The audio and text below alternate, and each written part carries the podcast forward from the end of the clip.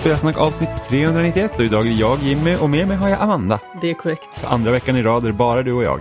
Det stämmer. Det stämmer 100% och vi har spelat jättemycket spel den här veckan. Du har spelat jättemycket spel och jag har spelat ganska mycket Så spel. mycket har jag faktiskt inte spelat. Det var inte som förra veckan när vi typ hade så här att ah, men här är de här spelen vi har spelat i två veckor som vi inte har kunnat prata om. Ja men exakt. Den här veckan så har du faktiskt börjat jobba. Ja, Hur känns det? jo, det känns bra. Vill du utveckla på den punkten? nej, nej, jag har inte så mycket mer att säga om mitt jobb faktiskt. Det känns bra. Ja, men vad härligt. Jag har ju jobbat eh, tre dagar extra veckan innan och jag känner ju att jag börjar komma in i jobbet. Däremot har vi bytt system lite grann.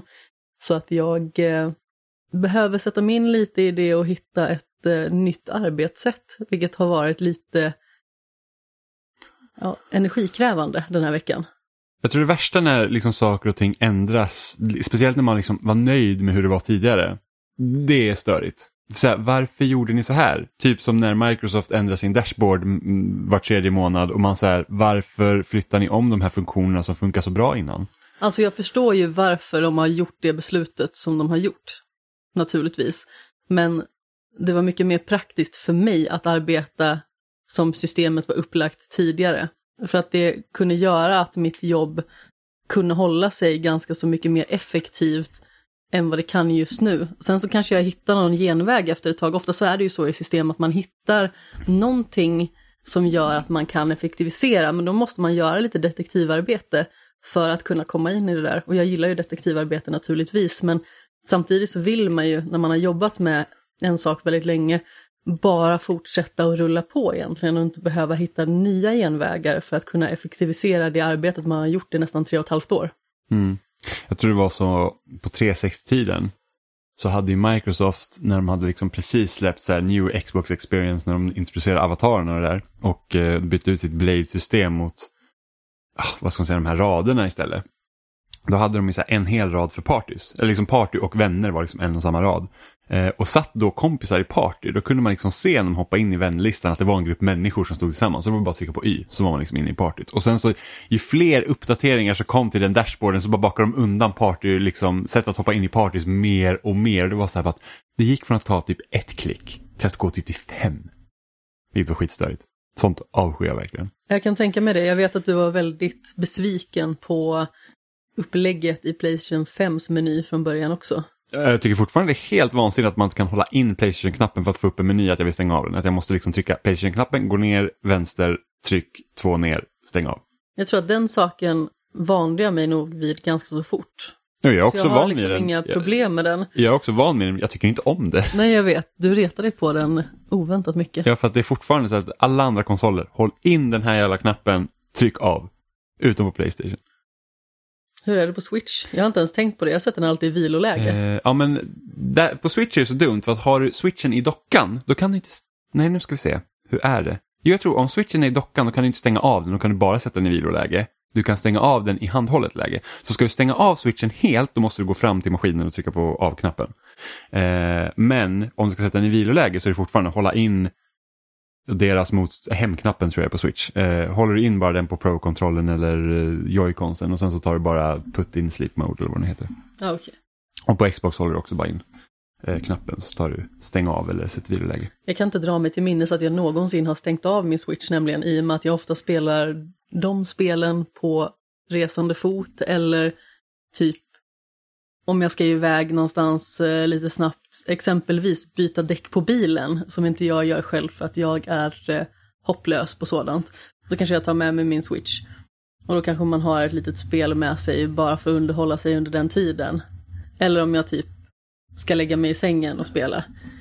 Då är det liksom inte precis som att jag stänger av konsolen emellan de varven jag spelar utan då bara klickar jag på knappen på toppen. Ja men du är sån här barbar så dina, dina, Barbar! di- dina konsoler lever jämt i viloläge och det är typ såhär bara, ah, du, Nej, sitter och, du sitter och spelar ett spel på Playstation och sen så bara, ja men nu ska jag gå och göra något annat så bara viloläge. Och du stänger inte av spelet och ingenting. Man var så här, my god. Gambling. Xbox stänger jag alltid av. Ja men det är för att du kanske spelar Xbox en gång i halvåret. Har spelat Xbox nu de senaste dagarna faktiskt. Vad har du spelat på Xbox? Samma som du. Ja, just det. Det är sant. Jag bara så här, vad är det du har spelat egentligen? Ja, precis. Men, men okej, okay, så att du har spelat Xbox nu och sen så var det ett halvår sedan innan dess? Nej. Ish. Ungefär två veckor, en ja, och en ja, halv men... kanske. Men du spelar ju så ofta på Xbox. Nej, det gör jag inte. Nej. Men det är ju naturligtvis för att Playstation är ju det jag är mest van med. Sen så fick jag en jättefin Xbox handkontroll av dig i tvåårspresent. Som eh, jag verkligen vill använda mer för att den är så himla fin. Och sen så känner jag ju naturligtvis i och med att jag har Game Pass så borde jag utnyttja det mycket bättre. Och sen ska du och jag spela Halo till exempel och massa andra sådana saker tillsammans. Ja, man märker verkligen att Xbox One S som du har börjar leva liksom på sista andetagen därför att man, jag jämför liksom. Den mår verkligen inte bra. Nej, alltså. för man jämför liksom så här, när jag spelar på min maskin som är en Series X och du spelar på din One S så är det så här bara att jävlar vad mycket sämre spelen körs. Alltså det är som natt och dag. Så Just... vi försökte ju spela lite Ascent. Det var precis det jag skulle säga. Mm. Eh, som vi inte har, vi, vi har kanske spelat totalt en och en halv timme i det eller någonting sånt. Eh, men där var det så att ja, men vi har ju två Xbox, så att kör du på Xbox One och så kör jag på Series X så behöver vi liksom inte tänka på att, jag vet inte hur co fungerar i, när man sitter på samma maskin, om hur, hur bunden man är till varandra då eftersom det är ett top-down shooter liksom. Eh, och delar de inte på skärmen så måste man ju fortfarande liksom, då kan man inte röra sig långt från varandra och spelet är ändå relativt öppet för det är inte bara så banor man kör utan det är ju liksom man är i en stor stad. Ja, man kan, kan man ju liksom... laja runt lite ja. bäst man vill egentligen. Och då var det så att ja, men då kör vi på olika maskiner så slipper vi dela skärm. Och det är bara det att spelet, för det första så tar det typ tre gånger så lång tid som att ladda in allting. Och ibland laddar den in gubben innan den laddat in något annat. Så att Amanda kan liksom typ gå runt i ingenting innan eh, resten av staden kommer in. Och då är det inte ens säkert att allt laddas klart heller. Ja, det är lite så här Illusive Mans rum-vibbar över det hela. Ja, det är liksom precis. bara tomma intet som jag går runt ja. i hur länge som helst. Jag bara, så här, ska det vara så här eller? Ja, Nej bara, okej, det har bara inte laddat in ja, och någonting. Så här, nej, något måste bli fel, vi, ska, vi måste få nog starta om spelet. Och sen så bara bopp, så kom typ 50% av staden in. Och man så här, här är en stol, mm, här är sen, ett bord. Ja, eh, och sen så körs det ju liksom, bilduppdateringen är ju verkligen hemsk. Undermålig. Alltså det är verkligen så att, typ att alltså, jag är inte jättekänslig, jag behöver liksom inte spela alla spel i 60 bilder i sekunden för att liksom känna så att ah, men jag mår bra. Utan liksom 30 fungerar fine för mig också. Till exempel Forza Horizon-spelen. Även om jag liksom med One X kunde välja att köra i 60 så valde jag ändå 30 bilder i sekund för att det ska se lite bättre ut. Och det, är, det, liksom, det är helt fine med mig. Men liksom där är det verkligen så här bara att nej, det är typ du skjuter, du trycker på skjutknappen och sen så tar det kanske typ så här några millisekunder för lång tid innan typ gubben gör någonting kändes det som emellanåt. Så det, det, den... När vi ska spela tillsammans så lär det ju bli så att vi får dela skärm. Sen så kanske det blir så att jag, trots att jag förmodligen inte skulle ha övervägt att köpa en Series S, om det inte hade varit så att eh, den kajkade så kommer det säkert bli så att jag skaffar det förr eller senare för att det blir liksom så svårt att spela tillsammans om min konsol ska vara så himla efter din. Mm. Halo går ju dock jättebra att spela på Xbox One. Ja, jo, men liksom som sagt det är ju gamla Men, men liksom spel. nu, nu och, det, och även när vi liksom har spelat 12 minutes så ser man ju liksom att jag ser att det kör sämre på din konsol. Än vad det gör på min. Jag reflekterar inte över det så jättemycket men det är naturligtvis för att du har mer Xbox-vana inne. Sen så har du ju också en One X som vi har pratat om att jag skulle ta över. Ja, och då är det lite bättre men samtidigt så det kan ju vara en temporär grej i alla fall tills ja. jag faktiskt bestämmer mig för att gå över till den mörka sidan och köpa en Series. Ja, men jag, jag kan inte tänka mig att det sen körs otroligt mycket bättre på en One X jämfört Nej, med One men... S. Även om One X är Prestandan i One S i relation till One X är ju ganska så tveksam. Alltså det, One X är ordentligt mycket starkare men jag tror inte att det Ascentet jättebra optimerat för One-konsolen överhuvudtaget. Men sen hoppet mellan One S och Series X är ju jättes jättestor, verkligen. Ja, men precis. Det är ju ett jättekliv. Mm. Ja, nu, nu hoppas jag att vi har Xbox-vana lyssnare här, för annars har vi pratat om så jäkla mycket olika X och One och Series hit och dit, så jag tror inte att någon vet ens vilken konsol vi är på längre. Nej, men som sagt, de har inte gjort jättefördelaktiga namn på något vis. Nej, det är lite jag tycker väl inte egentligen att det är jättesvårt, det är bara jobbigt att prata om det när man måste slänga runt med alla termer. Jag tror att en av de värsta sakerna var när Xbox One X kom. För då kände jag bara, nej nu. Ja, men det är lite Nu här. får ni ju ge er. Vill ni att jag liksom ska slå klut, slå knu... ni ser! Ja, precis. Vill ni att det ska liksom slå knut på tungan när jag säger saker? Mm. Alltså, Uppenbarligen så har jag ju redan problem som det här. ja. Men eh, vi har ju spelat 12 minutes. Det har vi faktiskt gjort. Som är det här eh, spelet som handlar om att man är i en tidsloop på 12 minuter. Och, och så ser och så det utspelar sig i en liten lägenhet och man ser rakt ovanifrån. Och så är man en, en man och så har, försöker man ha en trevlig eh, kväll med sin fru och så kommer in en då polis och mördar dig i princip. Och anklagar frugan för mord. Ja men precis, varje dag som man kliver in innanför dörren, eller varje loop Varje loop. som man kliver in innanför dörren, så möts man av sin fru som kommer ut från toaletten. Hon säger att hon har någonting spännande hon vill berätta. Hon har gjort efterrätt till och med. Och eh, den ska man avnjuta tillsammans då vid eh, det lilla bordet med tända ljus och ha allmänt trevligt men sedan förstörs kvällen om och om igen. Och naturligtvis så går det ju också att ha en ganska så otrevlig kväll i allmänhet. Ja, precis. Och sen, sen gäller det liksom att då ska man lösa varför den här loopen existerar och hur kommer man ur den helt enkelt. Vilket är en otroligt spännande premiss. Jag, jag måste säga att jag älskar ju verkligen det här fågelperspektivet spelet har.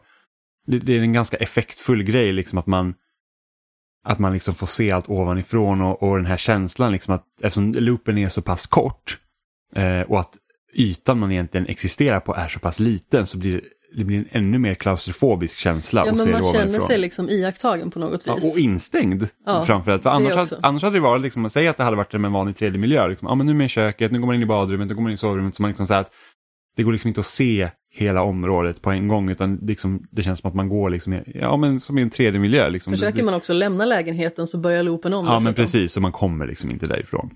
Nej men precis, så man är fast här för evigt Mm, vad det verkar. Jag lyckades eh, börja ganska så tråkigt med min fru också. Det var ju nämligen så att hon, precis som eh, varje loop, men den första då säger att hon har något spännande att berätta och frågar om jag vill ha den här efterrätten och då säger jag naturligtvis att vi ska slå oss ner. Och eh, innan hon har satt sig så har jag börjat äta av den och hon blir skitförbannad och stänger in sig i rummet. Oj, ja då... ja, det, är rätt så kul liksom att spelet ehm, kan ta sådana parametrar i beaktning. För att det händer inte så ofta. Nä, nästa gång satt jag jättefint och väntade. Bara för att hon liksom inte skulle bli sur på mig för att jag började äta så att säga utan henne. Eh, Så den första gången när jag råkade göra det så blev jag sur så jag åt upp hennes efterrätt också. Men gud. Alltså vilka kontenta är så att Amanda är ganska otrevlig. Det är så här, åh, du har gjort efterrätt till mig. Om, om, om. Åh, hon blev sur och gick och. Och sen bara, åh nej, hon gick och låste in till och blev sur. Jag ska inte försöka reparera det här nu, jag äter upp hennes också. Ja, men simskadad som jag är, från alla mina år med The Sims 2 så tänkte jag att om jag liksom så här ser till att han ska börja äta, då kanske de börjar äta samtidigt när hon sätter sig. Men nej, jag började äta för tidigt. Jag har haft många sådana här klumpeduns-ögonblick i det här spelet.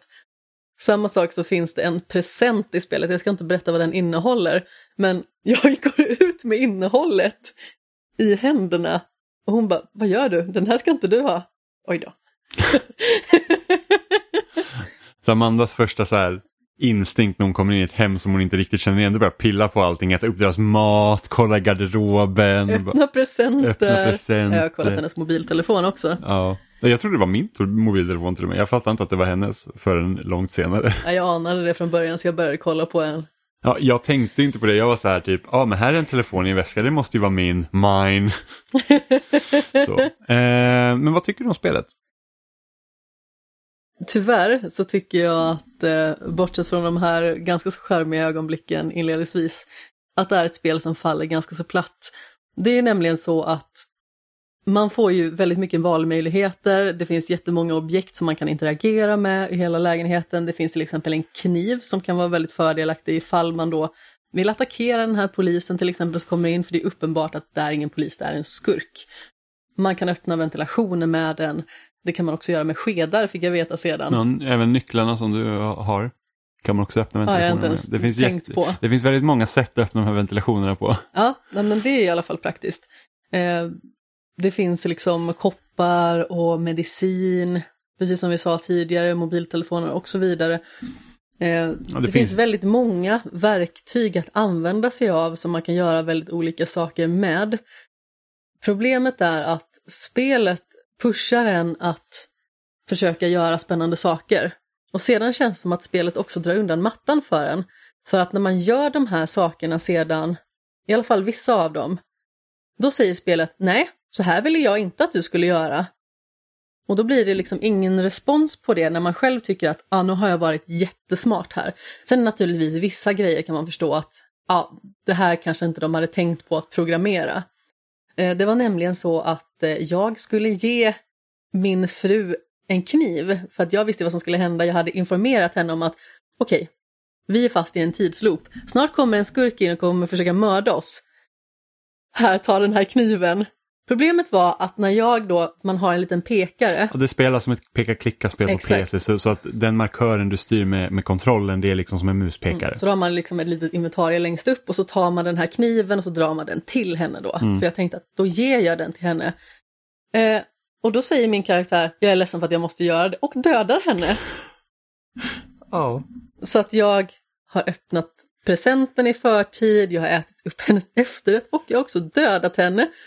Och min karaktär bara, ja men det är lugnt, den här tidsloopen är snart över, Och du det, lever snart igen. och det är ju det som är så tråkigt med pusslen i det här spelet, att det finns liksom det finns i princip bara en lösning på dem. Alltså, och jag, det är en ganska konstig parallell att dra. Man tänker typ Hitman, när du liksom har de här olika kontrakten och så, du ska, så finns liksom jättemånga olika vägar man kan ta för att komma fram till samma resultat.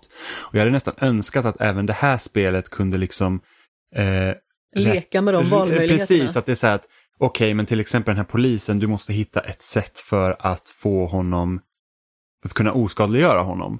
Och liksom, jag antar att de flesta kommer ju försöka använda kniven mot honom, men han är liksom tränad, så han är ju då polis inom citattecken, så att han, när du försöker attackera honom så kan han liksom försöka hindra dig. Och så så bara, "Ja, nej men det funkar inte, hur kan vi göra då? Så jag försökte ju på olika sätt att liksom distrahera honom eller få, se, se till att han gör andra saker så att man liksom kanske kan överrumpla honom. Eh, eller som du, liksom, du säger, ja men din fru kanske kan eh, försvara sig så ge kniven till henne. Ja. Och spelet liksom stödjer inte de här grejerna för att, liksom att, för att få polisen på fall, det finns en lösning för Mm. det. Trots att man tror att det kan finnas flera, men ofta även om du testar liksom olika saker så kanske inte spelet förstår riktigt vad du försöker testa.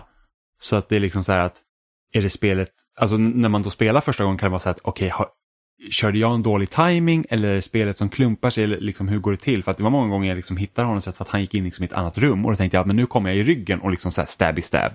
Eh, men det liksom funkade inte. Nej men det är väldigt synd för att konceptet är fenomenalt. Jag tycker liksom att själva idén är så otroligt spännande. Men det känns som att spelet har redan bestämt sig för hur det ska göras och vad det ska vara. Och det är lite synd, för jag hade gärna sett, precis som du säger, att det hade funnits multipla lösningar.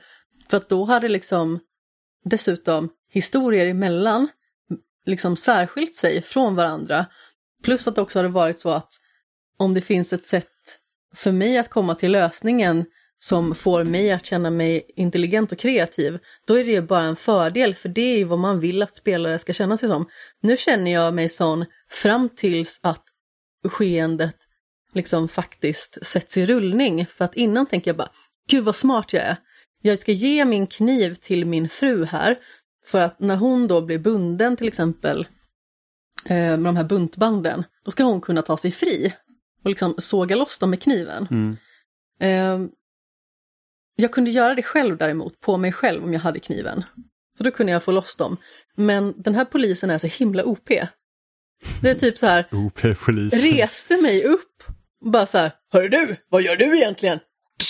Blir slagen mitt i ansiktet och dör. Mm. Jag är för övrigt den klenaste människan någonsin som jag spelar tydligen. Jag dör eller förlorar medvetande, vi vet inte riktigt hur det fungerar. Men första gången, Jag tar det som att jag dör. första gången är dock helt brutal, liksom, när man liksom bara ser liksom hela händelseförloppet utspela sig utan att man har liksom någon annan eh, vetskap om det, det är det att man blir strypt. Mm.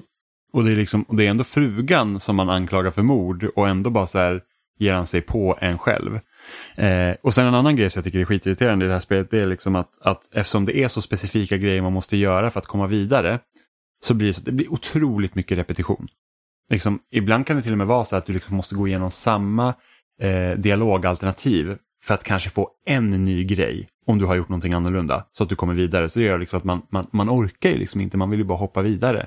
Ehm, och speciellt mot slutet var det så här verkligen att man behövde typ gå igenom någonting typ två, tre gånger, typ exakt samma sak med en liten, liten ändring för att liksom kunna få det bästa slutet eller komma liksom till ett, någon form av slut. Och det var bara så här, att, jaha, det är liksom, jag har ingen lust att sitta igenom de här dialogerna. Nu går det att snabbspola vissa dialoger till viss del. Men, men det är liksom så att jag har ingen lust att sitta här och lyssna på samma sak om och om igen. Eftersom det är de här 12 minuterna som spelet handlar om egentligen. Och liksom så, så blir det väldigt mycket samma sak. Det är liksom så att varje gång du kommer in i en loop så måste du förklara för din fru att vi är i en tidsloop om, om, om, om du väljer liksom att du, du, behöver inte göra det men liksom för många av de här grejerna som du måste lösa så måste hon veta vad som pågår. Mm. Och det är så, då ska du förklara det igen, så då måste du gå igenom samma sak där. Eh, och då slösar man också tid. Precis, och vissa föremål som du, liksom, jag plockar alltid på mig kniven. Bara, just in case typ.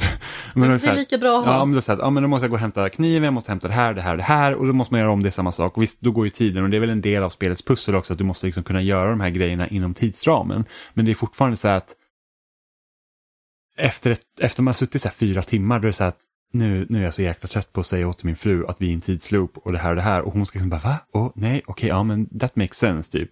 Eh... Något som stör mig så otroligt mycket det är ju också att dialogen i allmänhet är ju inte dynamisk för fem öre. Försöker man liksom inleda en konversation med en sak och sedan så frågar man om den här saken, då kan karaktären vara helt ovetande om den liksom lilla diskussionen man just har haft. Bara för att dialogen är så statisk. Ja, men du kan också gå och anklaga henne för mord. Eftersom, eftersom polisen anklagar frugan för mord. Mm. Så kan man själv också göra det. Liksom, bara, du har mördat någon. Så kan man gå från det liksom, svarsalternativet till att säga så här, ah, men ska vi ha en trevlig kväll? Och, ja, och liksom, Ska vi sätta oss och äta middag? Precis, och då är det liksom precis som att ingenting har hänt. Så det är liksom också att beroende på hur du väljer dialogerna så påverkar inte de varandra helt och hållet. Vilket också gör att det blir så himla konstig Eh, st stämning egentligen i spelet. Och det märkte jag nästan på en gång i, i min första loop var det så att jag tror jag valde något så här lite annorlunda eh, svarsalternativ. Och då liksom så här, hon ändrar ton på ett sånt sätt att okej okay, det här var inte meningen att jag skulle göra nu. För att det passar inte. Eh, och då bryts ju illusionen. Sen så är hon extremt passivt aggressiv hela tiden. Det är så här, gör man minsta lilla snedsteg, då blir hon skitsur. Säger man någonting som hon inte tycker är speciellt kul, hon liksom vill inte ha en dialog med en då, utan hon blir skitsur och i värsta fall så går hon därifrån. Ja, och sen så typ, vad var det? Väldigt jo. överdramatisk och det kan vara väldigt irriterande för att ibland så känner jag så här, jag vill ha mer dialog med den här karaktären för att lära känna den mer, men man får inte det. Så då lyckas man istället reta upp henne och så går hon därifrån. Men det var samma sak när jag hade sagt till henne så att vi är en tidsloop och hon köpte det och jag sa att det kommer en polis som kommer försöka mörda oss. Och hon köpte det. Sen gick jag och gömde mig i garderoben när polisen kom. Och hon bara, vad håller du på med? Vem är det som knackar på dörren? Vad gör du? Och man var så här, jag har precis berättat för dig vad som pågår, göm dig. Men liksom, nu förstår jag att det är liksom inte programmerat att hon ska liksom springa och gömma sig, men jag har liksom förklarat situationen för henne och bara för att jag gör det i den här ordningen så, så är det precis som att jag inte har sagt någonting alls till henne. Mm, ja, men lite samma sak var det för mig. Man säger att man är i en tidsloop, ber henne på sina bara knän i stort sett att inte öppna dörren. Och sedan så kan man säga någonting typ i meningen efter som gör att hon bara nej, nu ska inte jag vara kvar här längre, nu är jag sur på dig så nu går jag härifrån. Mm. Men vänta, du sa ju. ja, och en sak jag hade önskat som jag hade tyckt var mycket intressantare i det här spelet egentligen, för det är det här att då hade jag mer kunnat köpa liksom så här, de repetitiva elementen. För det är så här att när man börjar om loopen och du börjar liksom redan på en gång att börja spola över de här eh, dialogen, då märker frugan det, för man blir kort mot henne. Så hon säger, aha okej okay, du är typ inte på humör. För att när irritationen växer hos mig som spelare så växer irritationen också hos eh, karaktären man styr som. För att han vet ju att man är i en loop, han behöver inte gå igenom det här varje gång. Så mm. han blir irriterad. Det hade varit mycket mer intressant. Och just spinna vidare på här de olika grejerna man faktiskt kan göra i den här lägenheten som att typ ett mörda henne. Det borde ju ha otroligt stora konsekvenser för, för karaktären man spelar som. Att säga att okej okay, jag mördar precis min fru för 12 minuter sedan. Eh, en av lösningarna på pussel, en del av en pussellösning är att man måste droga sin fru, vilket också är, det är helt stört. Ja, det har jag också gjort. Ja, men man måste göra det för att komma vidare. Och det är liksom så här att okej. Okay, Husband of the year är jag. Ja, men så här. Okej, okay, liksom, ju längre de här looparna går och ju mer desperat huvudkaraktären blir så, blir, så, an, så använder man mer desperata lösningar. Det borde ju på, alltså det hade varit en så himla mycket mer intressant liksom, grej för spelet att ta tag i. Att, liksom, det att, måste okej, ju mer driva honom till vansinne, Ja, men så här, jag. vi ska få spelaren att, att liksom så här, börja tänja på gränserna. Vad gör det med karaktären och spelaren? Men det är inte det vad spelet handlar om. Så att liksom den aspekt jag tycker är intressantast med spelet, den, det känns som att den är där av en slump. Medan liksom hela berättelsen sen, som, vad, vad spelet faktiskt är, Mm. är nonsens. Det är typ som om David Cage jag, jag såg en ganska rolig faktiskt kommentar. Någon sa så här att ah, men 12 minute story det är typ som David Cage hade skrivit den förutom att det inte är så mycket rasism i den. Så det var liksom bara så här, ja, lite så. Uh, så att det är liksom upplösningen och jag bara säger att det här är ju bara, det här är ju bara, nej, det, nej, det, det, är liksom, det är inte så värt att se typ. Men någonting som stör mig också i själva spelet i sig, det är ju precis som vi sa tidigare, det finns ju många saker som skulle kunna vara lösningar. Men som sagt, man känner sig så otroligt sällan belönad. Mm. När man liksom tycker att man har gjort någon form av progression i spelet så känner man sig inte belönad. För det känns antingen som att det är av en slump eller att man liksom har spelat spelet i dess händer. Mm. Åh, det här är så här spelet vill att det ska spelas. Medan det säljs in som att spelet har så mycket kreativ frihet. Jag är inte en person som är jättestort behov av kreativ frihet, men då föredrar jag att det är mer linjärt. Mm. Så att inte spelet försöker lura mig att jag har någon form av valfrihet att göra som jag vill för att komma till en lösning. För att jag ser igenom det här. Mm. Och då blir jag bara irriterad istället. För då Ja. känns det som att spelet lite grann dumförklarar mig. Och sen också kanske det var så att det här tror jag skulle kunna vara en lösning men sen blir det också tydligt varför det inte är en lösning. Så det finns en, ett föremål som den här personen som kommer in i lägenheten vill ha. Och jag tänkte okej men då tar jag det här för, för sen när man får reda på vart det är någonstans så kan man hämta det själv. Och då så att okej men då tar jag det här föremålet så, så liksom droga min fru som man gör tydligen i det här spelet. Standard. Så, så att hon liksom försvinner ur Varje bilden. fredagkväll. Så att hon försvinner ur bilden. Eh, släcker överallt i lägenheten så det ser ut som att ja, men vi sover eller vad som helst. Jag tar det här föremålet, lägger det tydligt så att det syns och sen gömmer jag mig. För då när den här personen kommer in hit, då finns det det han behöver ha. Ingen annan är här. Men det, är liksom, det blir ändå exxakt samma resultat som Och man inte hade gjort. det. Och precis, och liksom, som man säger, jaha, så det spelar ju liksom ingen roll.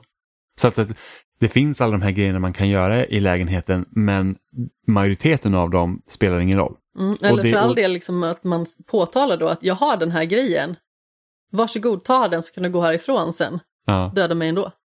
Det, ja, precis. Så att eh, det är liksom så här att det är en otroligt bra idé. Jag tycker utförandet är väldigt, eh, väldigt sådär. Vilket är jättesynd för att jag hade, jag hade väldigt höga förhoppningar på det här spelet.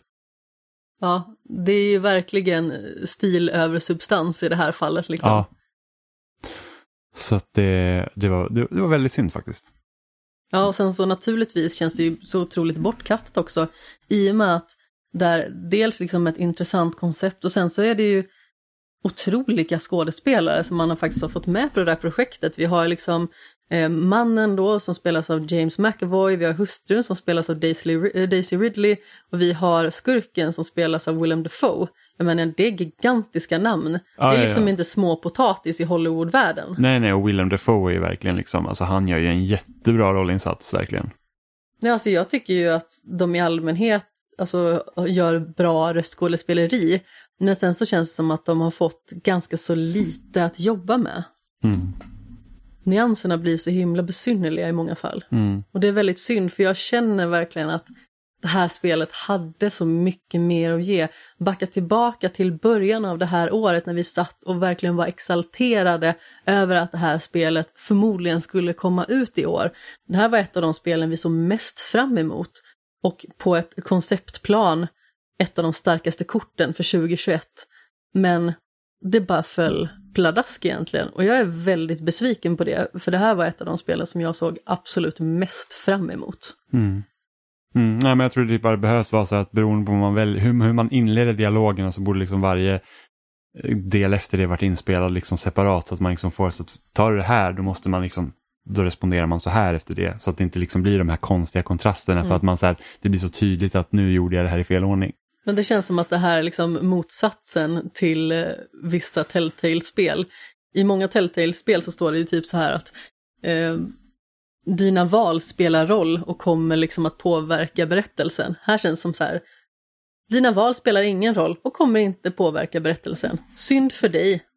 Ja, men i princip. Så att det, nej, det, var, det var väldigt synd. Faktiskt.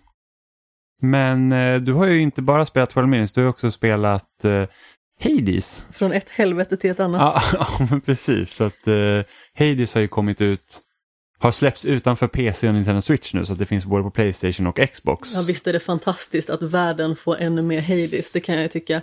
Som sagt, eh, jag har ju pratat om Hades tidigare i den här podden, både liksom när det var årets spelsammanhang vill jag minnas och eh, precis när det släpptes naturligtvis. Det släpptes ju i september förra året, eh, gick ur sin early access på PC där det har varit i typ två år och släpptes även på Nintendo Switch. Vilket jag tänkte så här att det kommer ju vara en perfekt plattform att spela det på.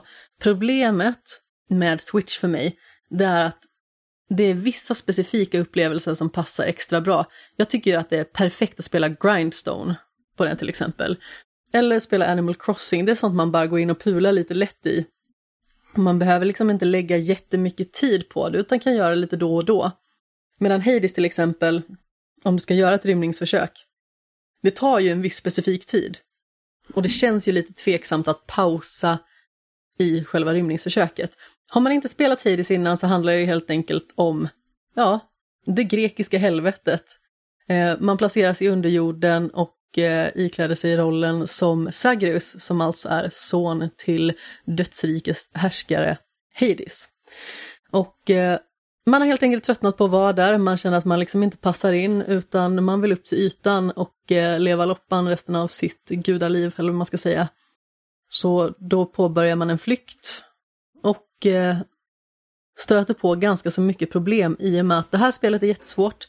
Det är ett roguelite och man dör ju gång på gång. Men till skillnad från andra roguelikes eller roguelites så har ju det här spelet någonting som det känns som att inget annat har. Det har en berättelse som spelar väldigt mycket på att du dör om och om igen och det är någonting som kommenteras på av de olika karaktärerna man stöter på.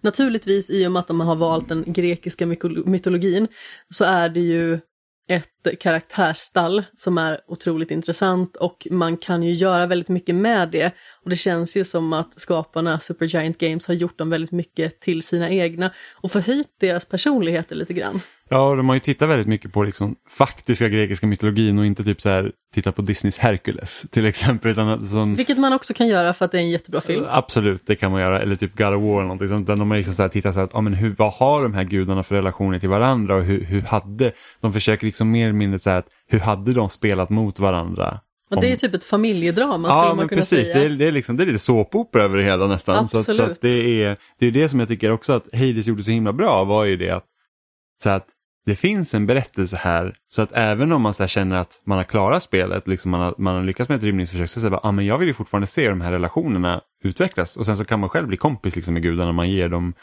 liksom, presenter och sen så, så får man ju veta ännu mer om dem till exempel. Men precis, man bygger relation med dem man träffar och de har hela tiden någonting nytt att förtälja när man kommer och pratar med dem. Och ibland så är de inte där de var och ibland så liksom står de där flera omgångar i rad och faktiskt har någonting viktigt att berätta för en. Mm.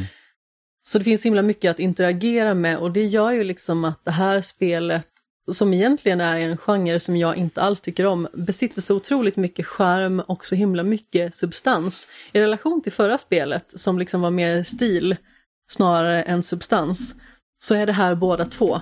Det är ett fantastiskt vackert spel. Man ser ju jättetydligt att det är Supergiant Games som har gjort det här spelet.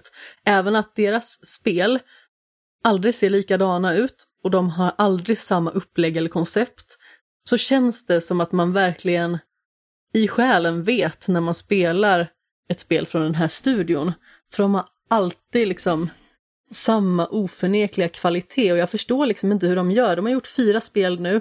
Varenda ett av de här spelen oavsett liksom vad man tycker om de olika genrerna och sådär, de är verkligen förstklassiga. Och det, och, och det är så himla roligt också att de är olika spel. Liksom att det är inte som att nu är vi inne på Bastion 4. Utan det är liksom Bastion var Bastion.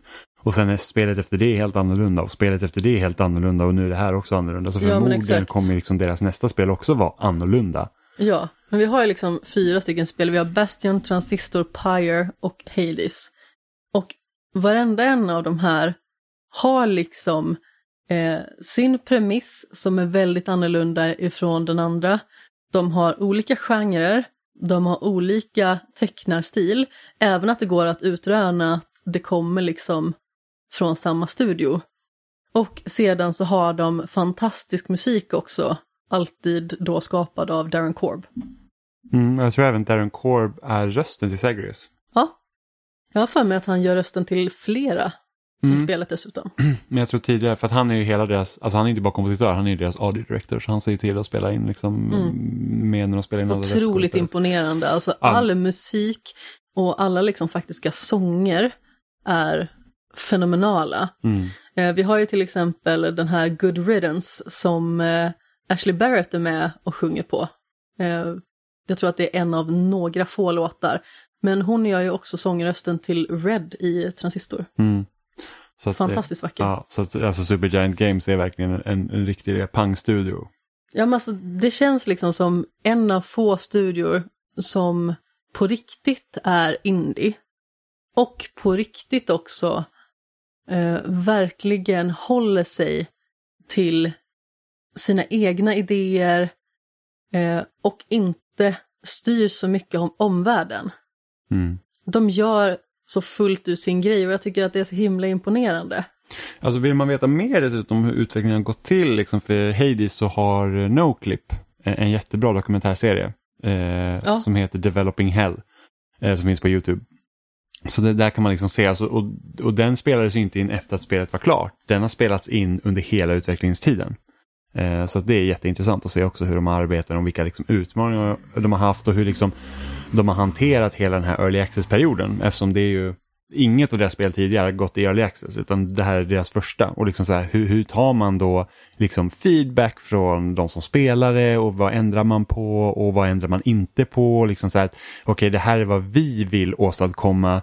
Varför når vi inte upp till det med det vi har gjort och liksom vilken feedback då liksom tar man med. Det här är ju ett perfekt exempel på ett spel som är så väl avvägt. Precis som jag sa tidigare, liksom, jag uppskattar inte den här genren för fem öre. Jag tror att det spelet tidigare som jag kan komma på på rak arm som jag har gillat, det är Dead Cells. Mm. Men här så känns det liksom som att man blir eggad att spela en runda till. Mm. Och jag är inte jättestort fan av att spela om saker och i synnerhet liksom när det gäller saker som faktiskt är slumpgenererade. För då är det ju så att man kommer in i ett helt annat rum än man varit tidigare. Man får nya uppgraderingar varje varv. Det enda som liksom är konstant är ditt vapen om du vill. Mm. För du kan ju köra med vilket vapen du vill och vill du köra med ditt spjut jämt så kan du göra det. Jag måste säga att jag har verkligen vänt på en femöring när det gäller spjutet. För jag tyckte inte om det när jag spelade på Switch. Eh, utan då föredrog jag skölden. På Playstation 5 som jag spelar nu älskar spjutet. Jag tycker Mm. det fungerar fantastiskt och i synnerhet då om man får Zeus krafter till exempel som då alltså är blixt och dunder naturligtvis. Mm. Så då kan det vara att man typ dashar och så har man den effekten att när man dashar förbi en fiende så blir den träffad av blixten. Och så skjuter man iväg sitt spjut och så studsar det mellan fiender och så elektrifierar det dem och det är så himla tillfredsställande. Mm. Och det är också liksom en så genialisk grej det här med att, att ofta i, liksom i, i andra roguelikes kan det vara så att ah, men jag behöver hitta det här, Vapnet. ja, men det här vapnet eller det här föremålet. Så till exempel Spelunky är sån grej att det finns liksom olika Mm. föremål, som jetpacks och, och, och hagelbössa och lite sådana grejer. Så man, man försöker liksom tänka sig vilken är den optimala runnen jag kan få. Här så uppgraderar, efter varje rum så kan du i princip få en uppgradering. Eh, eftersom när man, är, när man har liksom slagit i ett rum så får man, kan man ibland ha liksom två vägval och ovanför de här då liksom dörrarna som man går igenom så finns liksom symboler och antingen kan det då vara boons som de kallas vilket är uppgraderingar som du får av vissa gudar då. Eller ja, de gudarna som finns för varje gud liksom kopplat till visst antal uppgraderingar. Eller så kan det vara så här mer hälsa eller typ nu kommer du till en affär till exempel. Ja, eller så kan det vara olika sorters valuta, för det finns ju lite olika valuta beroende på vad man vill handla för någonting. Mm.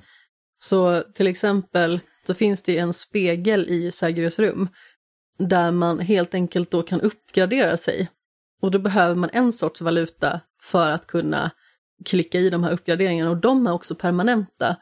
Vilket då också gör att ju mer man spelar, desto mer av den här valutan kan man också få, desto starkare kan man också bli. Man kan ju också spela det här God Mode som det kallas, vilket då innebär att ju, fler runder du spelar, desto starkare Ja, du, blir du du blir också. starkare hela tiden. Eller rättare sagt, du är mer motståndsresistent. Ja. Så du är liksom lite mer säkrare när dina motståndare ger dig på nöten liksom. Mm. Men det gör ju också liksom att varje runda känns liksom, även de här, som rummen spelar inte så stor roll.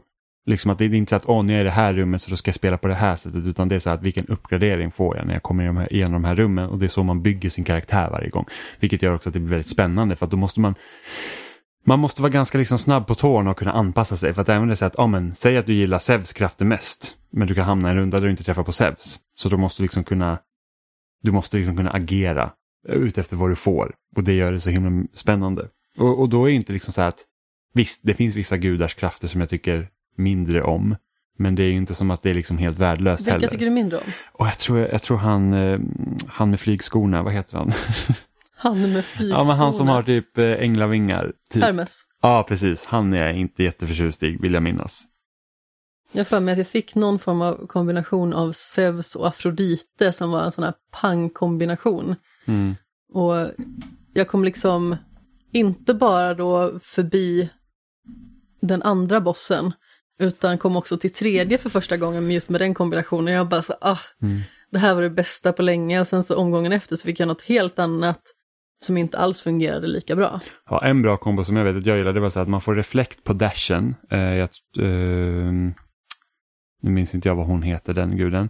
Eh, men det är så här, reflekt på dashen, sen har man Vilken samtidigt, symbol har guden? och jag minns inte, det är, den här, det är typ den gula marksman-symbolen nästan. Eh, ja, det ser, ut, det ser ut som ett sikte fast det är helt gult. Men, eh, Athena? Ja, precis. Där. Eh, och sen så får man, så har man Zevs, eh, så sätter man på Zevs krafter att om man dashar i sista sekund så elektrifierar man dem runt omkring sig och sen så sätter man, så har man han som älskar vin. så får man så att man typ gör alla, Var det Dionysus? ja precis, så kan man få med de här röda kristallerna man kan skicka ut. Så kan man göra så att eh, de liksom gör så att alla fiender blir svagare genom att de får det på sig. Så den kombon kommer jag ihåg att jag kommer långt i. fyllekajor. Ja men precis, så att det, det, det är väldigt bra. Så att när Hades är, så att jag det på Xbox lite nu, inte alls lika mycket som jag spelar på Switchen för att det finns massa annat att spela, men eh, det, det är väldigt bra det spelet. Jag kan sitta och naturligtvis överösa det här spelet med kärlek hur länge som helst.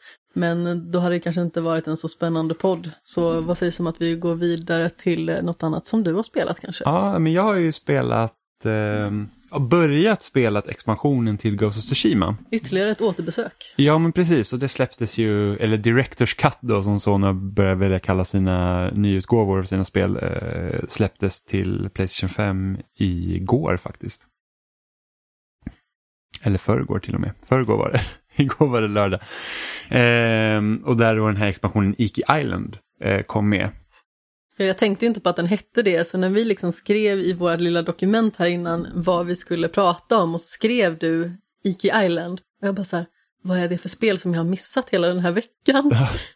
Eh, nej men så att, så att eh, och, och jag, jag tycker ändå Ghost of Tsushima, liksom, det, det är ett bra Assassin's Creed-liknande spel. Liksom. Eh, Jag tycker att det var mycket mer sval till det i fjol. Ja men det är så här att, nej, men alltså, jag, jag gillar, alltså, jag, jag maxar ju spelet så, att, så att det är inte det att jag inte tyckte om det. Men jag för Eh, mig att det liksom var för att jo, men tyckte det- att det var så lätt att göra det också.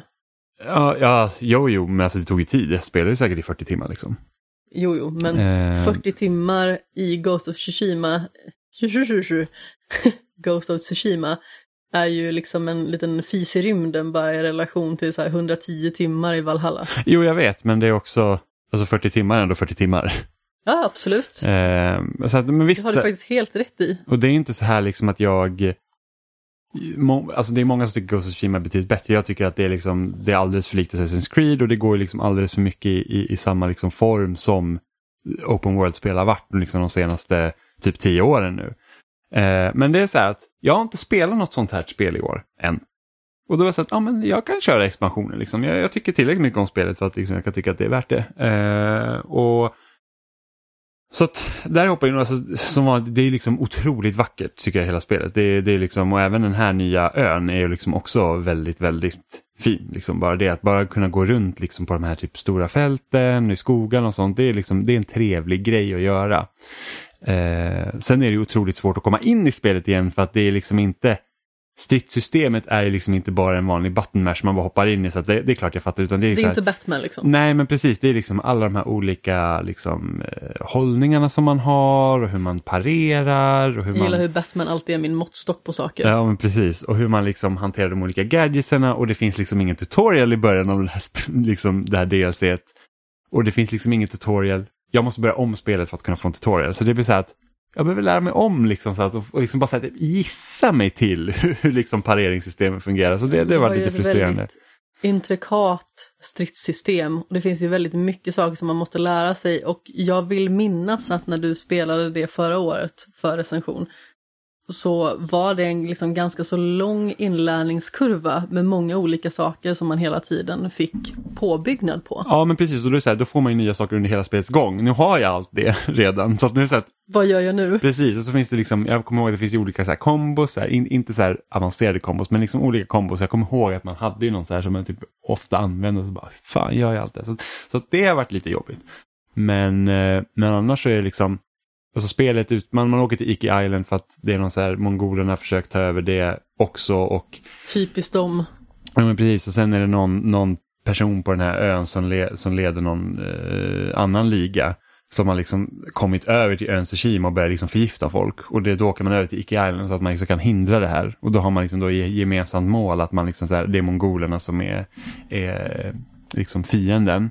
Eh, och det som är liksom då intressantast det här för att i, i, i början av Tsushima så får man liksom se ens pappa när han dör.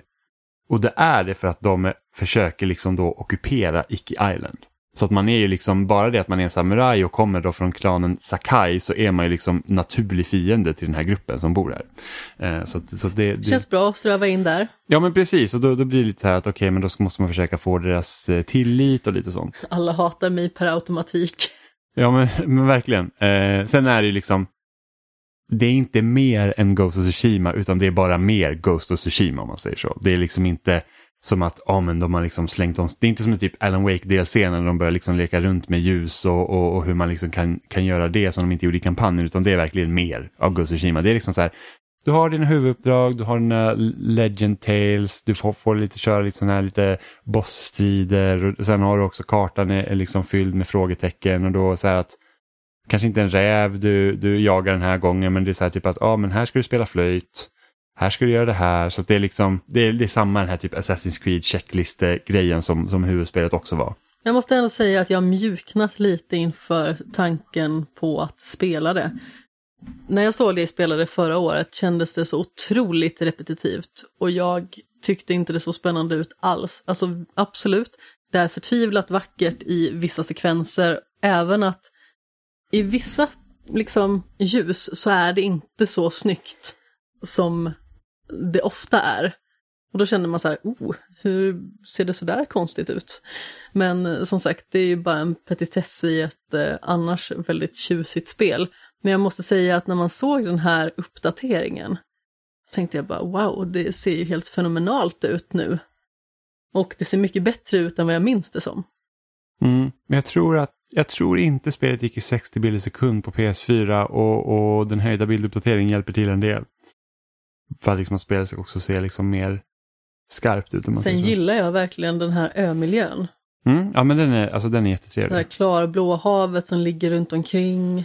Ja ser otroligt ut och så vandringen längs med klippor på sådana här eh, eh, plankuppbyggnader. Mm. Mm, ja, men det, det, det är verkligen jättefint. Och det, det är mest imponerande både i grundspelet och här, det är liksom, man kommer verkligen till ett stort fält och man liksom, varenda liksom löv är liksom utsatt och varenda grässtrå. Så att det är liksom, och, och, de, och utvecklarna vet ju om att de har skapat ett spel som ser bra ut. För att, liksom så här, typ att när man börjar ett uppdrag då får man ju typ den här Kurosawa liksom eh, introt med så här typ att ja, man får liksom eh, namnet som kommer mitt på skärmen på uppdraget och med de här japanska tecknen. Eh, så det är liksom väldigt så här att de ramar in det väldigt snyggt för att man ska säga oh vad fint det är liksom. Ja men som sagt, det var snyggt tyckte jag då också, men det var inte alltid jag tyckte det var snyggt. Men varje gång jag kollat över på din skärm den här gången så blir jag ju faktiskt sugen, varför det ser ju fenomenalt Mm. ut just nu. Nej, men alltså det, det, det, det, är ett, det, är så här, det är ett bra spel. Det är liksom, det är, jag, jag, jag gillar och det. Och nu eftersom jag inte har spelat ett Assassin's Creed liknande spel sen typ Valhalla så är det också så att jag är inte så trött på den här gången. Så Nej, det, men det, liksom, det funkar liksom att bara kunna lulla mer lite Mm. faktiskt. Men det känns som att du gillar det mer nu än vad du gjorde i fjol, för Men- i fjol var det typ så här, ja men det är okej. Ja, jo, men eh, jag behöver inte recensera den här gången heller så att då behöver jag liksom inte tänka lika kritiskt känner jag. Men då var det verkligen så att okej, jag ser Du verkligen. måste inte gå in med antagonism. Nej, men alltså det gör jag inte heller när jag recenserar. Jag vill ju gilla alla spel jag spelar, men det är så Eller att, gör du? men det är verkligen så här att man, okej, jag ser liksom den här strukturen som jag hoppas att man liksom gör någonting lite mer. För att det de pratade utvecklade mycket var ju så att ah, vi har kollat på Breath of the Wild och vi har de här liksom eh, visuella landmärkena för att man ska kunna hitta det eller andra. Problemet är bara så att ja, men när du ser det här landmärket så är det en av 20 saker. Medan i, i Zelda till exempel så var det så att okej, ja du har de här shrinesen som ser ut på ett visst sätt och när du ser en shrine då vet du vad som är där. Men det är inte som att blå... Men de är inte likadana. Ja, men- Alltså shrinesen ser ju likadana ut men liksom innehållet är inte samma sak. Ja men det var det jag menade. Men det är inte så att, åh, ser du blå blommor här, då vet du exakt vad som är här. Utan så, så fungerar inte världen i Breath of the Wild, utan där liksom är så här att, oj, där är en kl- klippkant med en grotta ser ut som, undrar vad som finns där, jag går dit. Eller man ser ett namn på kartan och bara, hmm, vad är där, jag går dit och kollar. Man kan Eh. förvänta sig att det är lite mer olika saker. Ja men precis, och det är inte så här att här har vi 20 stycken rävar du ska hitta och, alla, och, och, och det är typ eldflugor runt omkring dem, det är så du vet att det är en räv där. Det, så är, funkar liksom inte Zelda. Eh, För att rävar brukar alltid omslutas av nej men 70 eldflugor. Nej men det är liksom så ungefär Tsushima fungerar. Liksom så att man, man får liksom, de har de här visuella medlen för att du ska hitta den här specifika saken men den specifika saken finns gånger 20. Jag förstod. Och så är ju liksom inte Breath of the Wild. Och det, det är liksom den stora skillnaden. Nu känner jag att jag sitter och diskuterar ett spel som jag inte har spelat och jämför det med ett annat spel jag inte har spelat. Eh, vilket kanske inte fungerar så jättebra. Men eh, Mm. det är mina förutfattade meningar av båda spelen. Jag har ju sett Ghost of Tsushima betydligt mer än Breath of the Wild. Ja, men Breath of the Wild är ett helt magiskt spel. Jag kan inte förstå hur den liksom, kartan är uppbyggd och hur liksom, oavsett var man gick liksom, så känns det som att, här, hittar man något intressant. Ska jag ta mig an Så det? det är ett magiskt spel verkligen. Jag borde spela om det någon gång också för att det känns som att jag inte spelade tillräckligt trots att jag spelade i 50 timmar. Eh, men jag har också spelat ett annat spel eh, som är ett free to play shooter som heter Splitgate. Eh, som jag hade höra liksom så här tisslat och tasslats om. Så det var så här, det är Halo med portaler. Jag var så här, ja men det är gratis, jag kan testa liksom. Och det är Halo med port- portaler i princip. Eh, så det är ja, så ett multiplayer-spel, jag tror man kör antingen 4 mot 4 eller 5 mot 5. Samma ovala portal till och med. Ja, precis så är det verkligen. Eh, och, och, och du har liksom, det är så här Team Deathmatch, de lånar väldigt mycket liksom eh, spellägen från Halo också. Det är Team Deathmatch, Team... Det låter som att du sitter och spelar Halo. Ja, ja, fast sämre. Alltså det är lite budgetversionen av Halo liksom med annonser och det. Men det är typ så här, du har Team SWAT där man eh, får liksom, skjuter någon i huvudet så dör de. Eh, du har Oddball när man ska liksom hålla i en eh, skalle för att samla poäng och så finns det team, team Deathmatch, Domination, Capture Flag, allt sånt finns liksom. Eh, och, och, och även vapnen är liksom tagna, du har liksom ett vapen som heter BR som är typ ett battle rifle från Halo, du har eh, en DMR, du har, så att det är liksom, man ser verkligen vart inspirationen kommer ifrån. Och sen du har den här, de här portalerna då, så du skjuter ut en vänsterportal och en högerportal och du kan gå igenom dem. Liksom. Eh, för att komma liksom eh, snabbare fram eller liksom kunna hålla ett större område och sådär. Eh, och, och kruxet är att du ser genom din portal, fienderna kan inte se genom din portal och dina teamkamrater kan inte se genom din portal. Men alla kan hoppa igenom dem om de vill och alla kan skjuta igenom portalen såklart. Eh, så, så att det gör också att man får det kan bli en väldigt liksom katt och råtta-lek liksom när man hoppar in och ut och liksom ska försöka överlista motståndaren samtidigt som man håller koll på vart jag har lagt nu portalen så man kan komma runt dem. Det finns liksom flera gånger man har varit helt sjukt, liksom man blir jagad och man bara skjuter snabbt en portal. För att då, då får man också hålla reda på vilken portal har jag var. Och så skjuter man snabbt en portal eh, för att liksom ändra riktning så man kanske kan komma bakom fienden eller någonting sånt eller försöka fly. Så att det, det, är liksom, det är en ganska nervkittlande liksom spel. Eh, och, och liksom så, en ganska unik grej. Liksom. Så jag har inte spelat en shooter som spelas så här överhuvudtaget. Liksom, för att jag kan ju tänka mig hur svårt det är att balansera upp de här, liksom, liksom, just av portalerna. Så att det, det är så att vissa spellägen då kampar folk väldigt mycket. Så jag körde free for all, jag kände det fungerade liksom inte alls. För att det var så att det händer typ ingenting på banan för att folk sitter bara och väntar. Eh, och sen eh, typ vissa av de här objective-based spellägena som typ Domination tycker jag också funkar sämre på vissa banor för att helt plötsligt så mötte vi ett lag som de hade liksom kontroll över allt för de kunde flytta sig så himla snabbt. Du får liksom aldrig någon paus. Eh, och har du då ett lag som är lite sämre så blir man ju totalt överkörd, vilket det såklart kan stämma i, i varje spel. Men just det här portalerna gör så att de kan verkligen komma så snabbt så att göra att man liksom man blir totalt utmanövrerad. Men så här, Team Deathmatch tycker jag är skitkul och sen har de ett läge som heter Takedown där det är så att det gäller att eliminera hela andra laget och vanligtvis så brukar det vara så att ja, men dör man så har man ingen respawn. Men det är bara att respawnen blir längre hela tiden. Så du måste liksom, alla tre i laget måste vara döda samtidigt för att man ska vinna rundan. Och då är det så att ja, men dör man första gången så spanar man i princip på en gång och sen, så här, sen blir det 5 sekunder, 10 sekunder, 15 sekunder, 20 sekunder. Och då är det så himla stressande när man, så här, man är sist kvar i laget så bara last man standing. Man säger bara jag måste hålla mig i liv i så här många sekunder nu så att vi kan få en till som spanar in så att de inte liksom kan få rundan om jag dör. Så ju fler gånger du dör desto svårare blir det att vinna. Ja men i princip, men det är samma sak för motståndarlaget också. Så att, att liksom att, och det värsta är att man säger att motståndarlaget har en spelare kvar då och så ser man så att det är 20 sekunder tills nästa av deras eh, lagkamrater spanar och så hittar man den inte. Så blir det också stress och, och då är det så att då, då blir det så en del att man, man nästan blir för oförsiktig för det är så att okej okay, vi har 20 sekunder på att hitta på den, alla bara springer åt varsitt håll och sen är det så här bara att Sen när motståndarlaget börjar spana in igen, då är vi helt uppdelade. Och då kan de singla ut oss. Så att det, det är väldigt roligt faktiskt. Eh, jag tycker att det, alltså, det är inte många spel som, som försöker liksom göra Halo. Eh, jag tror det närmsta liksom spelet som jag spelar som är mer likt det är Crisis 2 och det är liksom över tio år gammalt nu. Eh, så att det, jag tycker verkligen att det är jättekul för att vara liksom ett, ett gratis spel och så fungerar det otroligt bra också. Men det känns som att spelet har tagit koncepten från två av dina typ favoritspel och slått ihop dem och lyckats göra det väldigt bra. Vi har Halo, vi har Portal, sen har vi liksom slått ihop dem och gjort någonting som faktiskt är ovanligt unikt i den här genren. Oh, absolut, och just det här med att de har fått portalerna lyckas så himla bra. Alla banor är inte jättebra förresten. Alltså, det ser kul ut ja, ändå. Ja, men, men jag är... vågar typ inte spela det för att jag vet hur dålig jag är. Ja, men alltså, har man inte spelat mycket multiplayer shooters så är man ju dålig i början. Alltså, jag kommer ihåg när jag började spela online, det var ju verkligen så här typ att Ja, förvisso körde jag också på eh, mobilt bredband och då tänker man mobilt bredband typ 2009, vilket var liksom ganska kast. Turbo... Var det med eller utan silen? Utan silen, den kom sen. Men det är liksom så här att då fanns inte ens turbo 3G än, då var det ju bara 3G liksom. Det hette turbo 3G och sen fanns det, det kom så här 3G, turbo 3G, turbo 3G plus. Sen kom 4G. Eh, och vi bodde ju såklart, jag kommer ihåg när jag bodde hemma fortfarande så bodde vi precis i en svacka där 4G inte kom. Det var liksom som en triangel precis där man bodde och man var så här what the fuck. Men då hade jag ju en... Uppkopplingens Bermuda-triangel. Ja men typ. Eh, och då var det så kul för att vi hade en router från ett företag som hette Net1 som fungerade mycket mer stadigt än Tres liksom bredbandssticka ett tag. Sen så började de, sen, och, och, med alla de här mobila bredbandsföretagen, de, det är bara humbug alltihopa för att de, de säger att du, du signar ett avtal och sen ändras det under tiden. För de har en liten klausul att ah, men vi kan typ dra ner hastigheten eller vi kan typ minska datamängden när vi vill typ. Och så blir det bara sämre och sämre. Eh, så ett tag hade Net1 så hade en router som var eh, mobil eh, bredbandladdad som fungerade relativt bra och sen så när de liksom släppte nya routrar så var de ännu sämre för att de bara tappade uppkoppling hela tiden. Sen så återgick jag till Tres mobilbredbandssticka och då var det så här att just mitt rum hade liksom, det, också mitt rum var liksom en lite sämre svacka, att det kunde liksom vara lite ostadig uppkoppling. Så hade Robin...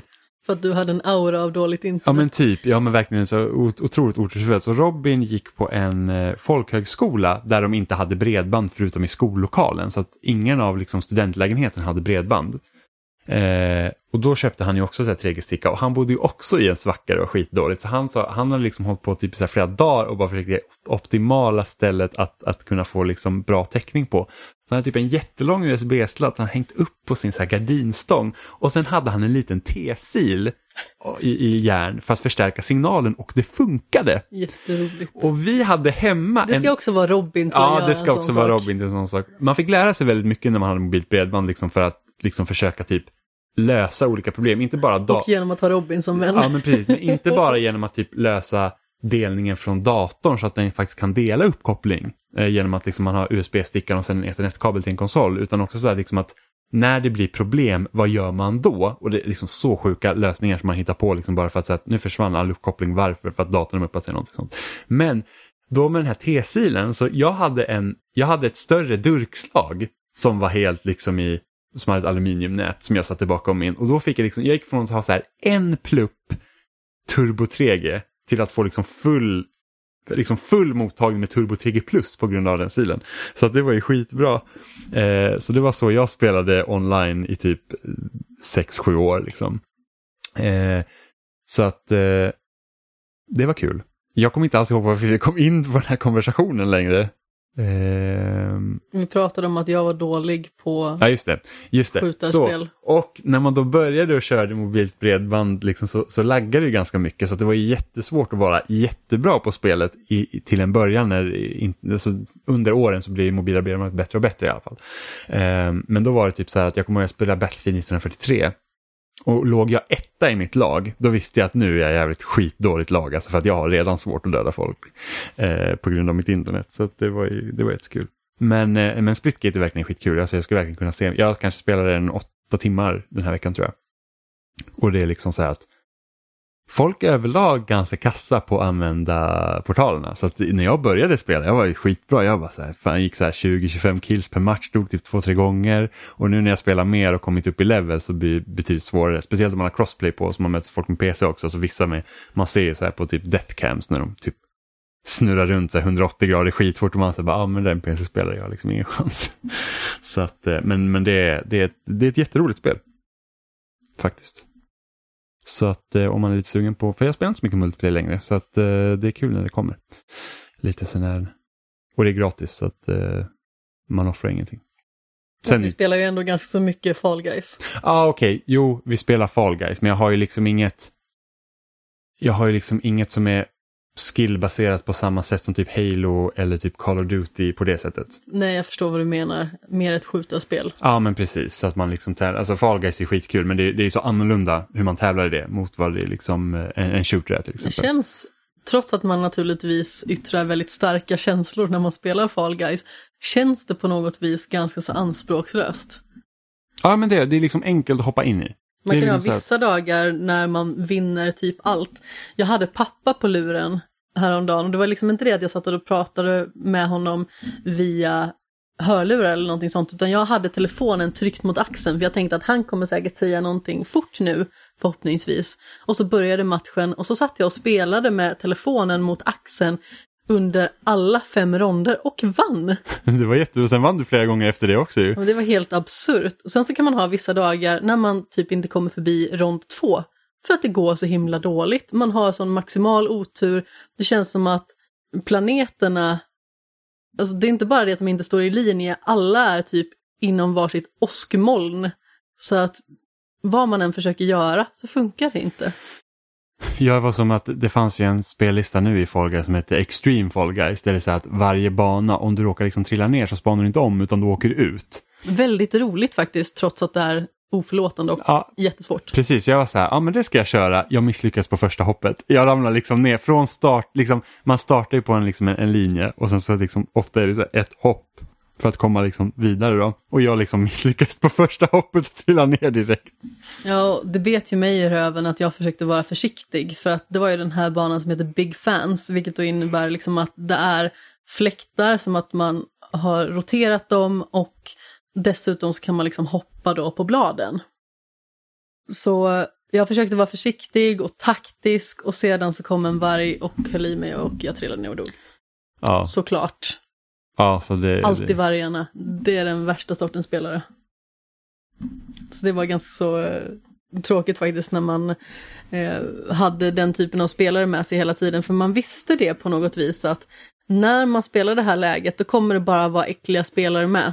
Fast jag har aldrig sett så många samarbeta på Seesaw som jag gjorde när man körde Extreme Fall Guys. Det, var verkligen Nej, så att, det är faktiskt helt sant. Ja, för på Seesaw är det så att det, det är vippbrädor så då måste man liksom samarbeta så att liksom, den inte vippar för mycket så att alla bara trillar ut. Och det är alltid ett eller flera svin som vägrar att gå över och samarbeta. Ja, ja och alla liksom försöker säga att ja, men jag ska liksom cutting corners här. Så här att jag kommer liksom jag. Kan. Ja men precis och, det är så att, när det är tillräckligt många som gör så då, då funkar det inte för någon. Eh, så nu när man körde sist, jag bara det här kommer ju aldrig gå, typ, vi kommer vara så många som åker ut här. Men nej, folk var verkligen så här, var, så fort det började liksom vicka lite åt fel håll, folk var liksom verkligen rusa till andra sidan för att vi måste hålla det stabilt. Alla blev helt plötsligt servicepersonal. Ja men verkligen, så det var, det var, det var faktiskt väldigt roligt att se. Eh, men jag tror att det var, jag tror att det var allt vi hade för idag faktiskt. Eh, det tror jag också. Lite smått och gott sådär. Nu börjar hösten dra igång och det kommer väl massa spel mm. att spela. Det stämmer. Mm. Eh, och vi pratade ju om Hades innan naturligtvis och min recension borde ha kommit upp i måndags. Den eh, ligger på loading.se där vi också huserar och den heter Helvetiskt himmelskt. Så den får man jättegärna läsa om man är intresserad av att läsa år 2021. Mm. Och eh, din recension av 12 minutes kommer också komma upp, förmodligen imorgon gissar jag. Kanske, vi får se om den är uppe då eller inte. Mm. Den här eh, veckan i alla fall ja. med stor sannolikhet. Ja, men ni hittar oss som vanligt på loading.se och spelsnack.com där ni kan kommentera och eh, lyssna helt enkelt. Eh, vi finns också på alla podcast-appar som finns i princip. Finns vi inte det så kan ni höra av oss höra av er till oss om vi borde dyka upp någonstans där vi inte finns. Eh, Spotify, YouTube, Apple Podcast, RSS-flöden, Google Play, vi finns överallt. Ni kan också mejla till oss på kontakt.spesnat.com om ni har synpunkter eller vill att vi ska prata om något speciellt eller vad som helst egentligen. Det är alltid kul att bli kontaktad. Ja men precis och hösten brukar ju ofta vara ganska så fullspäckad med spel så Skriv gärna till oss oavsett om det liksom är på Twitter eller via e-post eller på loading till exempel. Eller Instagram. För den delen. Ingen nämnd, ingen glömd. Mm. Bara det att nu har jag nämnt flera stycken. Eh, hur som haver, skriv gärna vad ni är sugna på till hösten. Vad ser ni fram emot? Eh, vad tror ni liksom kan vara det som eh, räddar hösten i spelväg? Kommentera. Ja, vi vill veta och vi tycker att det är kul när ni kommenterar också för att då ger det oss lite extra dynamik och eh, vi blir naturligtvis glada av att eh, höra ifrån er som lyssnar. Ja, för vi ser att ni lyssnar. Ja, just det. Just det. Men vi hörs igen om en vecka så säger vi hej då. Puss i ömsken. Hej då.